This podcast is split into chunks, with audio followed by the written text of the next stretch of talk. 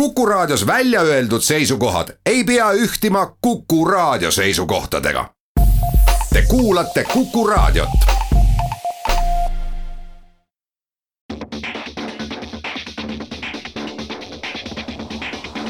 autotund. see on saade sulle, kui sul pole päris ükskõik, millise autoga sa sõidad. tere kuulajad, Autotund taas eetris, seekord on stuudios jälle kolm inimest, kõik on Autogeeniuse portaalist, Martin Mets, Tarmo Tähepõld ja Karl-Erik Idasaar, keda me esimest korda kasutame. tervist! tere! millest täna saates räägime? räägime autovargustest. ja räägime mitmest erilisest autost, ühte sa käisid äh, vaatamas. ja sa pead ütlema, mis see on? see Bentley, Flying Spur, kõik teavad, kes ei tea, pärast kuulevad. ma kuulen varsti. Hummer teeb ühe loodussäästliku auto ja ma saan aru, et Eestis tehakse nüüd isejuhtivat autot, Bolt teeb, mis see täpselt on, kas see on lihtsalt äh, äh, suits ja peeglid või midagi enamat, saame varsti teada. ja lisaks äh, kaob mitu autot Eesti ja ka Euroopa turult. nii, ja ma saan aru, et äh, teie olete käinud autodega sõitmas ka. natuke sõidujuttu kahest mõistlikust linnamaasturist, üks on Land Rover, teine on Nissan, jääge kuuldele nii, aga teeme kiirelt selle meie iganädalase nädala üllatus või äh, kogemus. mina nägin siis äh, Fast and Furious üheksanda osa treilerit, mis on Kiired ja vihased filmisarja järjekordne toode noh sa kasutasid sõna juba toode, siis tegemist on sellise ulmeseiklusega? tegemist on kindlasti ulmeseiklusega ja ma lähen seda kindlasti ka vaatama, sellepärast et see on meelelahutus, see on nagu, ma ei tea, nagu mingi huumorisari, mida sa iga vana-aasta õhtu ikka vaatad, et noh, et võib-olla enam ei naera laginal, võib-olla kõkutad midagi, näkitad kõrvale, aga, aga see on nagu niisugune traditsioon, et seda tuleb ära näha. lihtsalt sealt treilerist mulle jäi meelde, et kui nad teevad alati mingi väga jabura triki, siis seekord on nad noh, ikka ennast niimoodi ületanud, et äh, saate seda ise otsida, seda treilerit, aga sisuliselt on äh, suur rippsild kahe kalju vahel, äh, mis on katki, aga seal veel ripub üks sillatross ja siis Dominic Torretto võtab, sõidab kaljust alla, tabab seda trossi otsa, mis haagib ennast auto esitiiva taha ja siis ta teeb nagu linguna, lennutab ennast siis teisele poole seda kuristikku. nii need asjad juhtuvad, et kes tahab seda ise vaadata, siis vist see jõuab maikuus, jõuab kinodesse. just, nii äh,. Karl-Erik äh,, sinule andsin ka selle nädala asja, sest sa mulle seda ennem saadet just ütlesid, väga huvitava fakti. Juhtumisi läksin siis äh, Nautika keskusesse lõunale ja reidi teel sõitis mulle vastu ei keegi muu kui üks ajarändur, kes kasutas oma sõiduvahendina DeLoreani mm. ja kohe pärast seda vaatasime registrist järgi, et kas Eestis üldse on mõni DeLorean DMC kaksteist, aga ei olnud, ehk siis see annab täitsa tõestust, et kas see oli kas Soomest või see oli ka ajarändur mina pakun ka, et see oli ikka minevikust. just, kui see, isegi kui ta oli minevikust ja kui ta saadet kuuleb, võtke meiega ühendust, see on siin mitmete unistuste auto, mida tahaks kas või korraks niimoodi näha, katsuda ja võib-olla natukene sõita. nii, aga Martin, kas sama helge ja rõõmus teema? Äh, tegelikult kahjuks mitte, äh, ma lihtsalt ei nagu ikka teinekord internetis surfates juhtud huvitavate asjade peale, mina jõudsin sellise asja peale, et äh, palju varastati Eestis aastal kaks tuhat neli autosid. ma lihtsalt äh, toon näiteks näite, et äh, Mercedes-Benz sada kakskümmend neli, viisteist tükki varastati, BMW viies seeria kaksteist tükki, Audi kaheksakümmend üksteist tükki, nii, no kuidas need numbrid tunduvad? Mitte väga suured, kuidagi see on ühe kuu kohta selline tavaline asi aastal kaks tuhat neli. üks kuu? üks kuu. ja, ja see oli siis nagu mudelite kaupa, et markide kaupa septembris läks kakskümmend viis Audit, BMW-sid kakskümmend neli, Volkswagenid üheksateist, Opelid kaheksateist. see on ainult september, kas seal, aga seal aasta kokkuvõte ka on? on küll, noh, aastanumbrid tulid natuke suuremad, et seal on kokku ma ei räägi, et palju kokku sel aastal varastati, aga Audi kaheksakümmend oli kõige popim auto, mida varastati ja seda läks terve aasta jooksul sada kuus.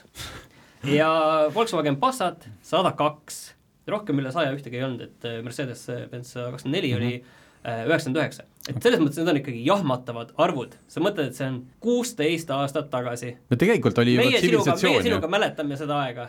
kaks tuhat neli ma käisin ju ülikoolis. liitusime Euroopa Liiduga siis ju jah. sellel aastal, et see ei olnud nagu mingi ei, võt, pime nõukaaeg, vaid või on umbes mina lõpetasin ülikooli sellel aastal. mina läksin esimesse klassi selge, nüüd te, nüüd saate aru ka sellest vanuselisest äh, mõõtmest, mis meil stuudios on.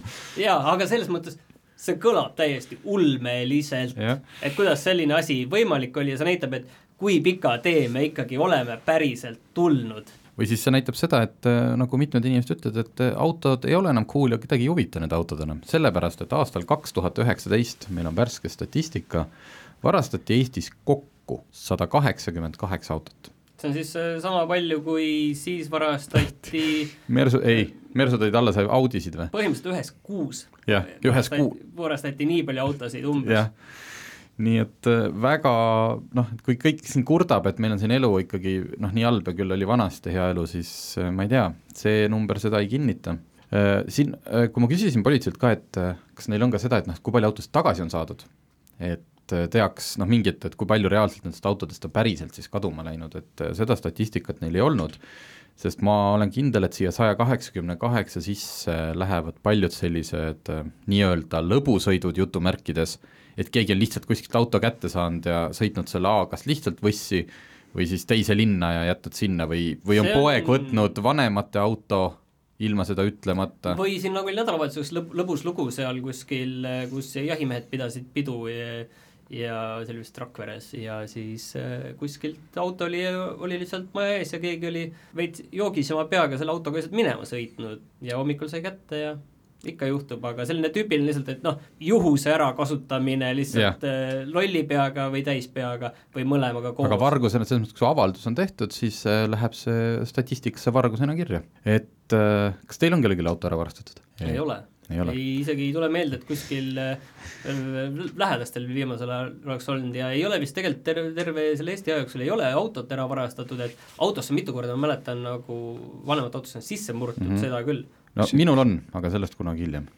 kusjuures siin hetkel on see varguste laine, kui siin mitu Lexust äh, ära pätsati ja kuna ma äsja siin nädalavahetusel testisin ühe teise väljaande jaoks Mercedes-Benz GLS-i ja kuna ma ise elan hetkel samas rajoonis, kus neid varastati, siis eh, pidime selle auto tegelikult kinni parkima kolme erineva autoga, et igaks juhuks seda tõkestada. hirm on suur. et selles mõttes, et aastal kaks tuhat kakskümmend siiski on ka, teema on ikkagi kusjuures jah, et eh, nagu hirmul on need inimesed, kellel on need eh, moodsad autod ja need, sest et kui keegi võtab ära sinu noh, uue, ütleme Mersu GLS, mis maksab kõvasti üle saja tuhande euro. või mis ei ole su enda oma. ei, ei see, see on ükskõik jah, et sa pead pärast äh, Mercedese esindusele aru andma, aga pigem on see, et siis on tegemist äh, proffidega, vaata siis on ja. sul tõenäosus, need, need äh, Lexused, mis sealt Peetrist või aut-, need saad ju kätte Lätis aga need on need autod, mis lähevad kohe tõenäoliselt kuskil tina konteinerisse, et ei saaks mingit GPS-e kasutada teine variant on jah, niisugused autovargused, kus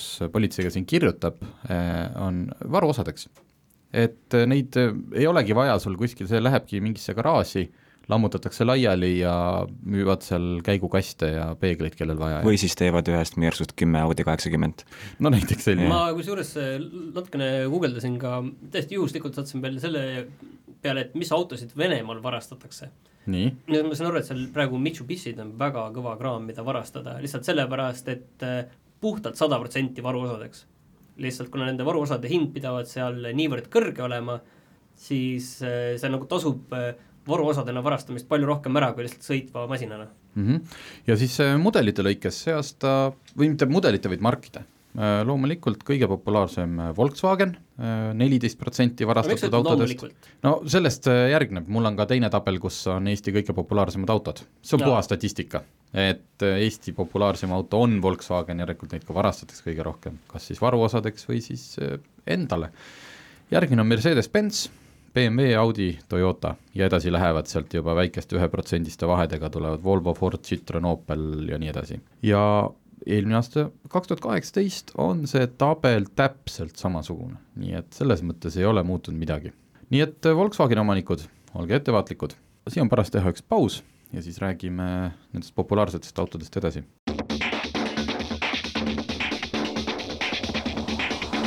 autotund.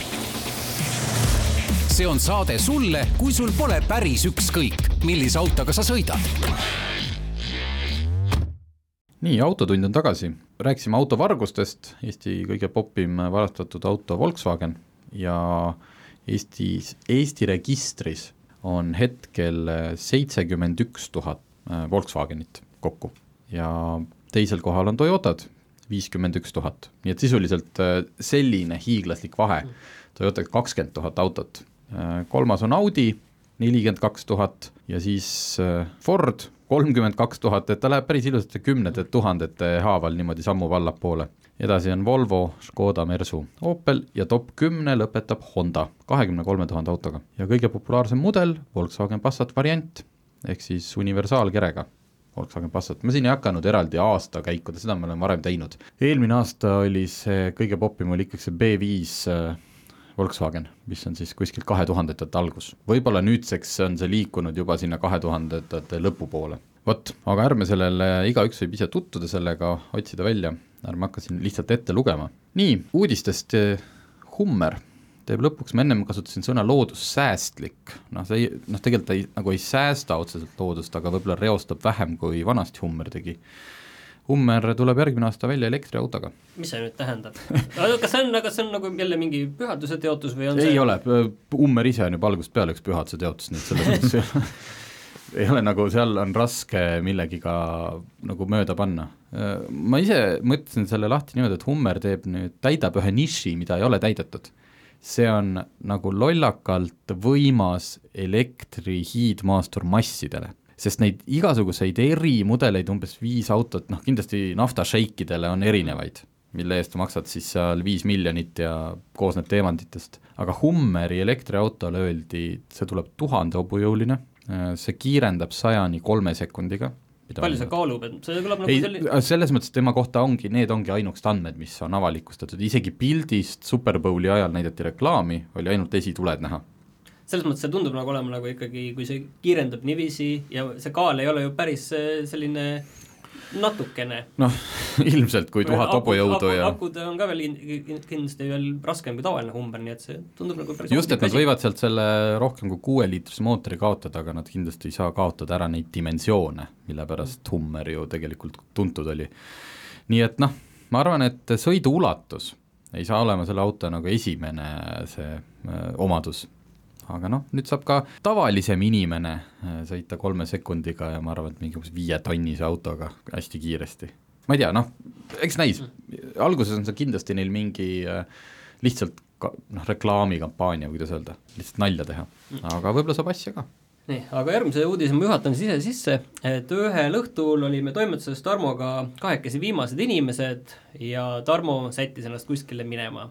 Tarmo oli ennast uhkelt riidesse pannud ja tundus, et eh, ees ootab üks oluline kohtumine, kus eh, tasub eh, välja näha ikkagi viisakas, käituda korralikult ning kas midagi südamelähedast ka, mis seal toimuma hakkab, nii et räägi nüüd täpsemalt, kuhu sa läksid ja miks ma? läksin kohe toimetusest üle tee vaatama ühte autot, mis jõudis nüüd esmakordselt Eestisse, seda ma ise tegelikult elusana nägin juba eelmine aasta Goodwoodi festivalil, Bentley Flying Spur.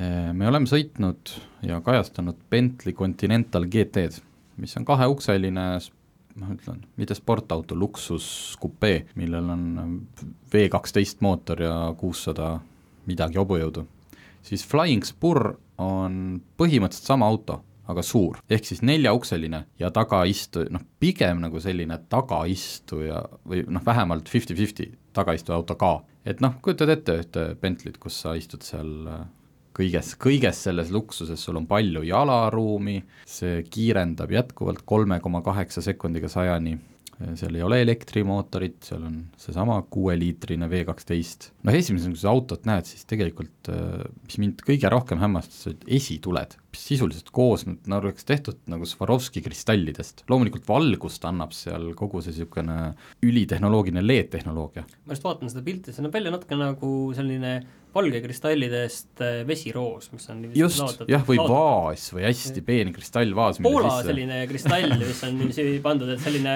väga noh, maitsekas või mitte maitsekas, kuidas kellelegi ma, ma ütleks pigem maitsekas, kogu see auto noh, ise on, ta on hästi suur, hiiglaslik. Tšehhi kristall vabandust. Tšehhi, just, et et seal ei ole sellist äh, pompöössust nagu väga palju või, või nagu tarbetut äh, noh, kuidas ma ütlen, et armatuurlaud on kaetud kullaga või midagi sellist. jah, need kristallesituled, aga need annavad ikka päris, päris ilusa asja kokku ja noh, kohe tahad teada, et kui palju see maksab? jaa, tahan küll, jah. ja ei, see ei, maksab palju jah, ta algab kahesaja kuuekümne, kahe, kakssada kuusteist tuhat kakssada kuusteist. on tal alghind ja tavaliselt, kui need Bentley'd tulevad uued, siis on niisugune first edition mudel, kus on sul põhimõtteliselt kogu lisavarustus on pandud niimoodi paketina peale. Need autod, mis seal salongis too päev olid, üks on siiamaani seal, võite vaatama minna, kakssada seitsekümmend kaheksa tuhat, peaaegu kolmsada tuhat, aga sellest on väga palju autot sellest on ka väga palju raha. jah, et arvutage, mitu korterit, võt-, mõelge oma korteri hinnale ja siis mõelge, et kas üks auto Kalamaja uusarenduses on ju korteri hind, noh. no nii on, just. nii tundub päris odav. ruutmeetreid on Kalamajas natuke rohkem, aga see on tõesti ilmeks auto. aga me olime seal väga peen-. ruutmeetri kvaliteet on kõrgem praegu seal. aga igatahes üritus oli tõepoolest peen, seisime, sõime väga väikestest topsikestest väga keerulise nimega asju ja seisime ümber auto ja olime peened. aga kui tuli Eestisse üks hästi suur ja ilus auto, siis üks auto kaob ka ära, tegelikult kaks ühest on eriti kahju, teisest ei ole üldse. Äh, Suzuki Jimny, mina ei jõudnudki sellega sõitma. see on legendaarne auto, mis on viimase aasta jooksul saanud äh, kogu maailma lemmikuks. ta on kohutav linnaauto, sinna ei mahu mitte midagi, äh, ta on aeglane, aga ta on esiteks jube nunnu ja teiseks hästi maastikuvõimekas ja, ja kolmandaks no, suhteliselt odav. suhteliselt odav. võiks öelda isegi, et võib-olla kasutada sõnu isegi, et väga odav. jah, et ta oli natuke üle kümne palju, kümne ja viieteist vahel kuskil. jah, et selline tõeline üksiku või kaksiku inimese looduse auto, millega sa saad tõesti minna sügavale loodusesse ja, ja olla seal, aga Jimny enam osta Eestist ei saa ja mujalt Euroopast ka, eh, minu teada, üheski Euroopa riigi, või noh, me läheme ühtede seaduste alla, ta ei vasta enam euronormidele. see üks mootor, mis tal on, kahjuks normidele ei vasta ja Suzuki seda edasi müüa enam ei saa Eestis. ma saan aru, et esialgu see nii on, et nüüd äh, Suzuki maal või esindaja ütles mulle, et äh, kuna Suzuki on arendanud oma teistele mudelitele ikkagi ka hübriidtehnoloogiaid, siis loodetavasti ja vaadates seda populaarsust maailmas, äh, on Suzuki inseneridel nüüd vaja teha kiire kodutöö, kuidas oma mootor või see asi saada euronormidele vastavaks, et saaks Jimny tagasi tulla. teine variant on see, et mida on, lugesin Inglise autoajakirjandusest, et võib-olla hakatakse seda müüma siis tarbesõidukina, aga selle puhul peab, seal ei ole lihtsalt nii, et paneme jälle passi N1 ja ongi valmis, vaid seal peab ikkagi siis mingid tagaistmed ära kaotama, mingid teatud tingimused. tagaistmed saad pärast juurde mingi kitina osta, et tagaistmed et seda konkreetset äh, lahendust vähemalt siin Eesti puhul mulle ei mainitud, et võiks olla kaalumisel nii et äh, ma arvan, et kes sai omale Jimny osta, see oli korralik investeering praegult. sellest on kahju tõesti, sellepärast et tegemist on ju tõesti autoga, mille, mille sarnaseid on väga-väga vähe meie turul, et äh, jõuame jälle sinna, et kus me jõuame kõik nende linnamaasturiteni. kuhu me jõuame saate teises pooles? just, aga teine auto, mis müügilt ära kaob, mis tuli samuti alles hiljuti ja mille kadumist ilmselt keegi eriti ei märkagi, on äh, Mersu kastikas, X-klass Äh, Mersu arvas, et ta tahab ka selle kastiautode ree peale saada mõned aastad tagasi. Äh, tehti äh, diil Nissaniga, sisuliselt on need Mersu X-klassid oma olemuselt ikkagi või noh, ütleme, ongi Nissan Navara kastikad, millele on pandud Mersu jupid külge. ja see oli noh, selles mõttes, ega muidu ennem ju teada ei saa, kui proovi ja see ikkagi tarbijate jaoks oli ilmselt liig. või no mitte liig, aga selles mõttes, kui inimene läks selle Mersuga proovima, siis ta sai aru, et ta maksab hästi palju rohkem, aga ta ei saa nagu mingit erilist elamust sellest, sest et noh, ta ei olnud luksusauto, ta ei olnud väga suur kastikas, lisaks diiselmootor kahepoolene vist ei olnud kah eriline asi, siis lubati, et tuleb see kolmeliitrine V6 mis lõpuks vist jõudis, aga üldiselt surmaotsus juba langetati ära. et maikuust lõpetatakse tootmine ja kogu maailmas, mitte nagu Eesti, noh, mitte et Eestisse ei tooda, vaid sellele mudelile tõmbabki Mersu kriipsu peale, ma ei tea, on kahju. tulevikus ilmselt kindlasti mingi nišitoode. jah, et võib-olla nad tulevad jah, et neil oleks mõistlik äh, kastikat teha pigem sellise GLS-i baasil või noh, mingi luksuskastikas, mitte tarbeauto. teeme pausi ja siis oleme tagasi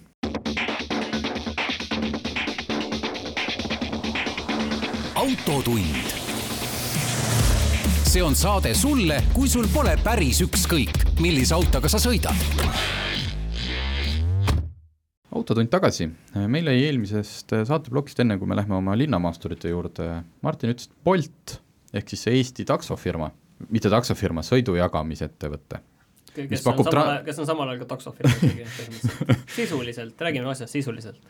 Äh, arendab koos Tartu Ülikooliga isejuhtivat autot ja eelmine nädal seda Tartus näidati. palju sellest teada ei ole või noh, nii palju, kui seal näidati, aga mis teda siiamaani on eristanud teistest, et ei ole ehitatud nagu eraldi uut autot, vaid on võetud äh, ei, seda on teinud teised, paljud teised ka, sellepärast kes siin on teinud, näiteks nagu Uber sõitis ka ju ja, ja ei, ma mõtlen, ma mõtlen, okei okay,, ma, ma räägin pigem Eestist Aa.. Eesti mingid projektid on alati olnud, kas siis, kui oli see Euroliidu eesistumise ajal oli see niisugune kandiline buss äh,, Auvetek teeb samasugune, et kere on nagu endale ehitatud, see on selleks, et neid ilmselt seadmeid ja asju sa saad siis ise paremini paigutada. Ma lihtsalt ütlen, et Uber vist tegi Volvo XC X üheksakümnega, üheksakümnega, jah. jah, ja Bolti, Bolt ehitas enda oma siis Tartu Ülikooliga koos Lexus RX linnamaasturisse, nelisada viiskümmend hübriid. selles mõttes on ta arusaadav, et sul on seal see osa tehnoloogiat on juba olemas. noh näiteks see, mis sul pöörab rooli, sest kui autol on mingil minimaalsel tasemel isejuhtivus juba tehasest tulles, siis sa ei pea hakkama seda nagu nullist mõtlema. kogu see arvutipark on pandud äh, pagasipõhja ja see teeb sellest autost taga taga on äh, kolme koha asemel kaks, sest vaata see kesktunnel, kust näiteks tagaistujatel äh, õhku puhub, see on kaetud ja sealt läheb seesama see noh, kogu juhtmestik ja siis ka õhk arvuti jahutuseks. Nendest õhuvõtuavadest on suunatud õhk sinna pagasnikusse. autoga peab kaasas hetkel sõitma kaks inimest või vähemalt siis seda teeb, üks on see, kes istub roolis, põhimõtteliselt tal peavad käed olema kogu aeg niimoodi rooli kohal, keskkonsoolis on ka suur punane nupp, nagu nendel alati on, mis tühistab kõik ja kõrval istub teine inimene siis arvutitega. ja võib-olla hakatakse sellega ka noh, nii-öelda muidugi katsetamise mõttes Tartus teenust pakkuma, näis. selles mõttes teenust pakkuma niiviisi ikkagi, et need inimesed on seal samamoodi ikkagi sees. ja, ja, ja, ja just, et see on, auto on isejuhtiv, aga autos on olemas ka nii-öelda tagavarajuhid. no seda Uber on ka teinud niiviisi, aga kuidas sulle tundub, et kas see on nüüd selline nagu tõsine projekt, et Eestis arendatakse enda isejuhtivat autot, mida siin veel mitu, mis sa enne ette lugesid, teevad, tehakse, või on see rohkem selline, et eh, kuna kõik teevad seda maailmas, kõik sarnased ettevõtted teevad seda, siis nagu on kohustus ka teha, et eh, investoritel näidata, et me me oleme nagu eh, reega kaasas ja me ei jää maha teistest ja me vaatame kaugele ette.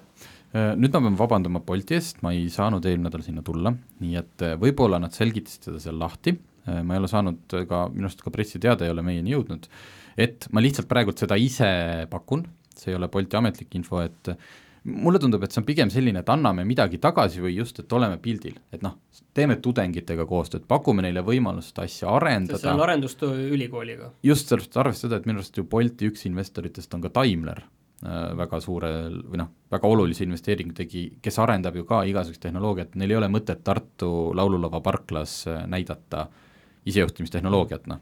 ma arvan, et seda arendataks siis pigem kuskil mujal. Aga mine tea, võib-olla on antudki mingi väike lõik sellest äh, Tartu tudengitele arendada ja siis läheb see pärast, ma ei tea, Daimleri keskusesse tagasi. tore, et tehakse mulle alati meeldib, kui ülikoolidega tehakse koostööd, siis see annab nagu tudengitele võib-olla natuke sära silmi, et noh, et ei ole tuimalt kuskil saab simulaatorites, et no just. samas mõttes Tallinna Tehnikaülikoolis oli vist äh, Jah, samasugune jah, asi toimub. jah. vot, aga lähme siis päris autode juurde. Karlile anname siis ka sõna, räägime Nissan Qashqai'st. mina pean tunnistama, olen elus noh, nii-öelda siis ajakirjaniku karjääri jooksul sõitnud ainult Nissan Leafiga. sinul on kogemus suurem? tõepoolest, et ka mina olen kunagi Nissan Leafi sangas taksojuhina tõdenud ja lisaks olen veel sõitnud kõiksuguste muude huvitavate Nissanitega, et alates siis Skyline'idest kuni SX-ideni. nii, aga Nissan Qashqai on täpselt mitte selline nagu Skyline äh, SX, eks ju? noh, nelirattasti mootor mõlemal. Kas esimese põlve, ühesõnaga, kas sa vana Qashqai'ga oled sõitnud? ei, sellega ma veel ei ole. okei okay,, nii et seda, et kui suur on edasiminek, seda on raske öelda. aga mis eristab äh, tänast äh, nii-öelda tavalistest testisõitudest, kus me läbime parimal juhul võib-olla kuus-seitsesada kilomeetrit, siis sina tegid äh, Qashqai'ga kiire nelja tuhande kilomeetrise sõidu. et jah, oli niisugune natukene suurem ümbersõit. ja kus sa käisid sellega? tõepoolest hakkasime siis jaanuari keskel saateautona talveroimadele sõitma Nordkapi poole. Ütleme talveautod, mul see talveroim kõlab nagu räim ja see on seesama Nordkapi äh, trip, kus äh, Paula käis, paar saadet tagasi rääkisime sellest, aga sina olid siis see saateauto, et oli ka palju tööd? No saateautona läksime peamiselt selle eesmärgiga, et kui mõni talveauto peaks hanges lõpetama, et siis saame meie välja tõmmata, või siis, et kui kellelgi lõpeb auto üldse otsa kuidagi, siis saame vajadusel hädalisi mahutada. Aga üllataval kombel ei pidanud me kordagi neid ülesandeid täitma, et kuna kõik autod olid nii hästi ette valmistatud, et siis saimegi rahulikult sabas sitta ja Soome ja Norra ilu nautida. kas oli ilus? oli, ütleme, et äh, kas oli sul nagu vahet ka tegelikult mõnes, mõnes mõttes, mis autoga sa seal oled? äh, jah, tegelikult küll, ütleme, kui ma sain seal mõnel hetkel näiteks ühe MX-5 rooli, et see kes kogemus ei tea, see on, räägime saade tavalisel inimesel, Mazda MX-5, see on väike kahekohaline tagaveoline sportauto ja kui ma ütlen väike, siis on see väike. et jah, et äh, kui tulen üks Nissani pealt, mis on niisugune hästi noh, suur, mugav, rahulik, vaikne, kammitsetud, siis see MX5 oli hoopistükkis äh, spartalikum elamus nii-öelda, kui seal Lapimaa jäistel ja lumistel teedel sõita, et seal pidi ikka sellega kohutavalt tööd tegema ja niisugune noh, emotsioon oli kindlasti suurem. kas tööd tegema selleks, et ellu jääda? Et teele jääda nagu? jah, kohati võib ka seda öelda, aga Qashqai'ga see-eest oli tõesti väga mugav, rahulik, et said äh, kauneid vistasi nautida, see-eest nagu kütusekulu oli ka täiesti olematu, et niisugune väga-väga pingevaba reis oli. okei okay,, kütusekulu olematu, millest me räägime, sest et äh, minu linnamaasturi kogemused näitavad seda, et isegi diiselmootoriga tänapäeval, kuna nad on ikkagi nii suured ja rasked, siis noh, naljalt nagu alla kuue-seitsme ei tule küll. Äh, Qashqai'ga me saime maanteel, see jäi kusagil viie poole kanti pika reisi peale et okay. tal on siis ühe koma kuue liitrine diiselmootor, sada kümme kilovatti, ja püsikiirushoidega üheksakümnega sõites, et siis täitsa võib tulla niisugune viie ja kuue vahel no, ma ei tea, mul on Ütle- ütleme, et see- selles mõttes, et ma endal püsikaga üheksakümmend eh, umbes, ma saan endal akordiga ka kuskil viis koma seitse niiviisi kätte. sellepärast ongi, sul on see, noh, mitte see ta on universaal, aga sul on ta, see, see ongi see point, et jaa, ma linnamaast- tavaliselt sõidan, läheb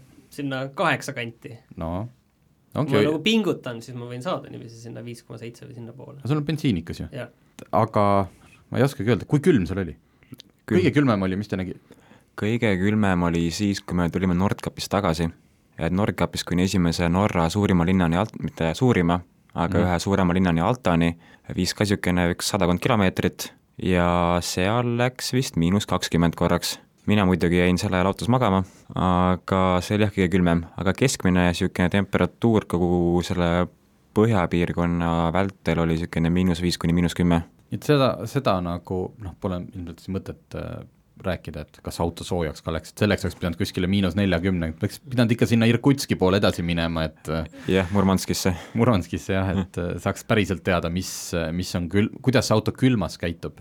sa selle jaoks oled veel liiga noor, et ma saan aru, et seal käivad nagu need vanemad mehed. jah, ja Willi ja Uaziga, mitte uue Nissan Qashqai'ga, Jimny tagasi tuleb võib minna. jah. teeme korraks ühe pausi ja siis äh, räägime sellest edasi.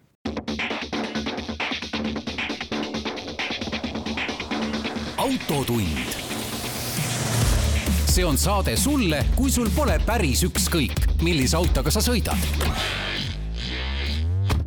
oleme viimase saate osaga tagasi, püüame siia viimase üheksa minuti sisse hästi palju pressida ja kuna kõige huvitavam on ikkagi see, mis autol halvasti oli, kas millegi üle kurta ka oli, sest et seda, et äh, tänapäevane kaks tuhat üheksateist, kaks tuhat kakskümmend auto hästi, noh, kõike teeb hästi, on teada. sõidab pingevabalt. jah, just, aga mis võiks Nissan teha paremini?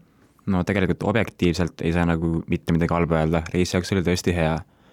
aga kui nüüd subjektiivseks minna, siis nii-öelda noh, loomulikult, et sõidurõõmu poole pealt, et näiteks Nissan kasutab äh, sellist nelikvedu, mis on tegelikult enamik ajast esiveoline ja tagarattad tulevad taha ainult siis, kui on pidamisega kehvasti või kui sul on see stifrilukk. et äh, kindlasti, et kui auto oleks nagu pidevalt nelikveoline, et siis oleks kindlasti nagu natukene kaasahaaravam ja lõbusam sõidukogemus. aga muus osas siis tõesti, et ma ei oska leida midagi, mille üle nuriseda. mis see, selle hind on ja kuidas selle konkurendid, kes selle vot see on konkurendid väga huvitav, mis hind on? et täisvarustuses läheb Qashqai kusagil sinna kolmekümne ja neljakümne tuhande euro vahele. okei okay., aga kas sinu oma võis olla kuskil sealkandis? jah, et Okei. see oli ikkagi üsna täisvarustuses. aga, aga konkurendid? Noh, konkurentideks võibki vist pidada, et enamikke neid populaarseid linnamaastureid praegu, et alates Tiguanist kuni samal baasil oleva Kadžarini näiteks. no vot, need on jälle eri, sest et Tiguani ei ole, kui me isegi ei räägi, ütleme mingist sportversioonist, noh, Tiguan ei ole mingi probleem kuskile sinna viiekümne lähedale ka lennutada mm. -hmm. Kadjar ilmselt mitte jah, pigem on Kadjar niisugune, ma ei usu, et seda ka üle kolmekümne viie palju yeah. saaks. tõepoolest. mina toon näiteks enda selle nädalavahetuse sõiduauto Land Rover Discovery Sport, mis on nüüd väiksem Discovery ja palju sellest autost noh, rääkida ei ole, selles mõttes samamoodi hea auto, maastikul on see väga võimekas, tal on hästi palju erinevaid nelikveosüsteeme, noh, Land Rover ta peab tegema, ta ei saa teha päris aga ütle see hind ka kohe ära, et me saaksime nagu nii, ma tahtsin selleni jõuda, et ma vaatasin enne saadet äh, Land Rover sellesama Discovery spordi hinnakirju ja selle kõige tippmisemad mudelid, kõige võimsama mootoriga, kõige suurema varustusega on seal kuuskümmend neli tuhat. Äh, ilmselt saab sinna veel üht-teist juurde panna. see auto, millega mina sõitsin, oli nelikümmend kaks mitte väga kallis. mitte väga ma kallis ja just, ja kusjuures, ja kusjuures ta tegelikult hakkab, praegult see first edition mudel hakkab kolmekümne kuuest tuhandest. minu autole oli pandud peale teistsugune värv, et noh, et vot kere on hall, katus on must. okei okay,, sellest tegelikult võib loobuda. Noh mm -hmm., nipet-näpet ja ainuke, mida ma sinna tahaksin juurde praegult, et tal ei olnud adaptiivset kiirushoidjat, mille oleks saanud umbes tuhande kolmesaja eest. nii et sisuliselt äh, neljakümne tuhande euro eest saab Discovery Sport äh, mudeli, ta oli sada kümme kilovatti diisel, sada viiskümmend hobujõudu. noh, mitte mingi sportauto, kõik tegi ära, isegi häält tegi, kui kõvasti vajutad. Hästi hea viimistluskvaliteet, sul on kõik on nagu autos olemas, sa istud noh, nagu ikkagi klass kõrgemas autos. ja sisuliselt seda vähem kui neljakümne tuhande euro eest, et see panigi mind kõige rohkem imestama, et äh, see on muidugi praegu kampaania hind, millest me räägime. aga mis ei, ma just mõtlesin, et kuidas nagu neid nagu kõrvutada nüüd, et Qashqai on just, sa rääkisid, et vaata, et väga selline pingevaba, lihtne ja see ei Sama. ole sellist äh, sõidurõõmu, et kuidas see nüüd, äh, see Land Rover siia läheb? Land Rover üllataski kõige rohkem sellega, et nad on suutnud vähemalt selle esimese first edition'i kuidagi hinnastada niimoodi, et äh, inimene hakkakski mõtlema, et ma panen, noh seesama, aga ma panen veel neli tuhat juurde, siis ma saan juba Land Roveri omale, noh, võib-olla ma ei tea, kuidas, mul ei ole kunagi ühtegi olnud kas tal on vastupidavust, kas tal ei ole, või noh, kas ma pean tihti käima oma garantiiga seal kisamas, aga ma istun nagu ikkagi juba premium-klassi maasturis, mis on päriselt ka maastur. et äh, väga, väga üllatav ja kui tavaliselt on, noh, kõige hullem, huvitavam oligi see, et kui tavaliselt on need meediale antavad testiautod, noh selline kõik, tippvärk. hinnavahemiku nii-öelda maksimum või üle selle just, veel keeratud. just, et ikkagi kõik varustus oleks peal ja ajakirjanik tunneks ennast seal hästi ja kirjutaks äh, niimoodi meeldivast kogemusest, siis see testiauto on nii-öelda hinnakirja alumisest otsast ja väga üllatav, väga nagu isegi nahk, noh, selles mõttes nahksisu oli sees, korralik selline Uh, Discovery sporti saab ka seitsmekohalisena, see ei olnud seitsmekohaline. mis ma just mõtlesin välja, et, et kui mina kuskile kunagi proovisõidule peaksin minema veel, siis ma tahan seda kõige odavamat otsa mudelit, et ma tahan seda autot, mida inimesed päriselt ostavad uh,. lugesin uh,, kas see oli nüüd ühes Evos või Top Gear, nende selles pikaajalises autopargis, noh nendel on mm -hmm. Tavaliselt ikka paarkümmend autot on kogu aeg toimetusel garaažis, nemad võtsid ekstra kõige Blancima Ford Focuse, mis saab. ja no ütleme, väga vaimustunult kirjutati sellest, sest et ta oli tõesti odav, ta oli alla kahekümne tuhande naela, ma ei oska noh, Inglise autohindadega võrrelda, aga ikkagi, alla kahekümne tuhande euro on ka suhteliselt soodne. ja kõik olid sellega väga rahul et noh, ma ei tea, kas seal oli ka natuke selline noh, keel põses, et noh, et jube kihvt, et kõik on plastikust ja saab ju hakkama küll ja vanad mehed vaata sõidavad, tunnevad, et vot see on nagu omal ajal, et mul pole vaja neid kellasid ja vilesid, aga aga no selge, siis me peame sulle elektrilised aknad, kellele Need vist on küll juba kõigil standardis. olles uut Focus proovinud, siis jah, et võib tegelikult tõdeda, et sellega on väga lõbus sõita ka, et väga niisugune nagu kaasaarv auto on väga hea, nii, meil on äh, selline sõidu, sõidurõõmu inimene stuudios. Äh, mina ka alati seda räägin, et Ford Focus ja sõiduomadused ja kui ma päris aus olen, kui ma käisin sellega sõitmas Prantsusmaal mägiteedel, noh, ma ei, mul oleks vist ilmselt pidanud olema kõrval kohe mingi teine sama klassi auto, sest ma ei oska öelda, et mi-, mida selles, kas, mida sa mõtled selle all, kui sa ütled, et sellega on tõesti väga hea sõita mm,? Esimene asi, mis mulle kohe meenub, on see, et tal oli hästi nagu tabav äh, manuaalkast, et seal nagu käiguvisked ja see ergonoomika üleüldine et saad kiirelt vahetada, et seal yeah. ei ole mingit lödistamist, et kas ta nüüd on et jah, ja et nagu see, kolmas et, need pedaali pikkuse tunnetus olid hästi kooskõlas nagu käigukastiga. ja rooli tunnetus oli samuti väga nagu loomulik, raskus ja lihtsalt, et niisugune väike üheliitrine mootor, turbo, kolm silindrit, läheb kiiresti pöördesse, niisugune nooruslik, ilujõuline, tead, mis seal kiiresti pöördesse, ma mäletan seda üheliitrist, mul tuleb nüüd meelde küll, see on see, et seal tuleb, see piiraja tuleb nii ootamatult peale, mis tähendab seda, et sa nagu ütleme, lähed mööda sõidule, teed sellise äkilise, tead, vahetad alla ja siis ütk het-, üks hetk ta poob su kinni.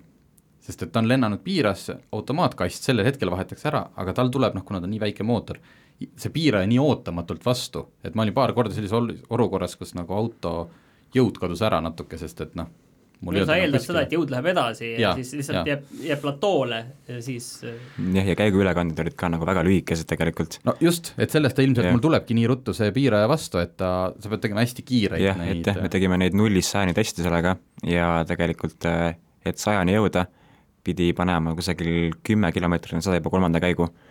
et seal on niisugust äh, nii-öelda seda supi segamist, on tükk maad teha, aga noh, see on lõbus jälle. Nii, korraks veel maasturite juurde tagasi, et äh, kuna ma tean, et sa sõitsid ka just nagu mina hiljuti Subaru Foresteriga, et äh, Qashqai võrreldes Foresteriga, Forester on ikkagi, eks ju, päris maastur. pigem kipub sinnakanti minema, et ta, temaga nagu võib ikkagi veel metsa minna. kas te seal Nordkapis kordagi kuskile lumme roniste niimoodi, et nagu läks nelikvedu vaja, et äh, kuhu oleks võib-olla mingi sedaaniga jäänud põhja peale või? noh, põhja peal ilmselt ei oleks jäänud, aga Rovaniemi ümbruses oli tollal, tol päeval, eelmisel õhtul oli tõsine lumeuputus. et nagu niisugust lund pole ma siin kindlasti üks oma viis-kuus aastat näinud. ja kuna me läksime, sõitsime seal järveäärsetel metsateedel, siis äh, seal oli tõesti niimoodi, et äh, vahel lumi hõõrus isegi nagu maasturil põhjalt, et seal noh, Qashqail saad sa spidomeetri vahelt valida selle näidiku, mis näitab, et äh, millal sul on nelikvedu taga ja millal ei ole mm. -hmm. Et see oli see hetk, kus mul oligi, et tihtipeale pool või kolmveerand gaasi sees, et välja rebida ennast ja seal oli tõesti vaja seda. vot mis äh, seda Land Rover Discoveryt veel ka nii-öelda päris maasturiks teeb, lisaks sellele, et tal on need äh, äh, ühesõnaga, veoskeem on see vastav, on see, et sa saad omale ekraanile kuvada selle, et kui kaldus su auto on, mis nurga all sa lähened, sa saad võtta sealt ekraanilt välja ka selle auto dimensioon, noh, nii-öelda laiused, kõrgused, et kui sa ei viitsi välja mõõtma minna, et siis kas sa mahud läbi kuskilt, noh selline, sellised vidinad, mis jätavad sulle mulje, nagu sa oleksid äh, tõeline maastikuhunt nagu sa oleks ostnud mingi asja, mis on tõesti väärt seda, jah. just, ja mis sellesse hinda veel puutub, et sellel autol olid noh, sisuliselt kõige väiksemad väljed, mis sa saad, sest me oleme ju liikunud oma tänapäeva sellest, mäletan, kui meile perre kunagi üheksakümnendate lõpus ilmus esimene välismaa auto, siis sellel olid viieteisttollised väljed ja see oli, see oli, sest et noh, enamus rehve sellel ajal müüdi neljateisttolliseid ja siis viieteistkümnega sa olid ikka juba kõva kärbes, noh nüüd on seitseteist on standard, standard, ja nii kui sa võtad natuke kallima paketi, pannakse sulle üheksateist sisse. sellel Discoveril olid seitsmeteistkümnesed ja no ma ei, noh, ma ringrajale ei läinud, aga ma kordagi ei tundnud, et no ei, rehv ja see võiks ikka parem olla, et nii, aga meie saateaeg sai otsa, rääkisime hästi äh, paljudest asjadest, aga äkki oli huvitav. ja kohtume järgmine nädal.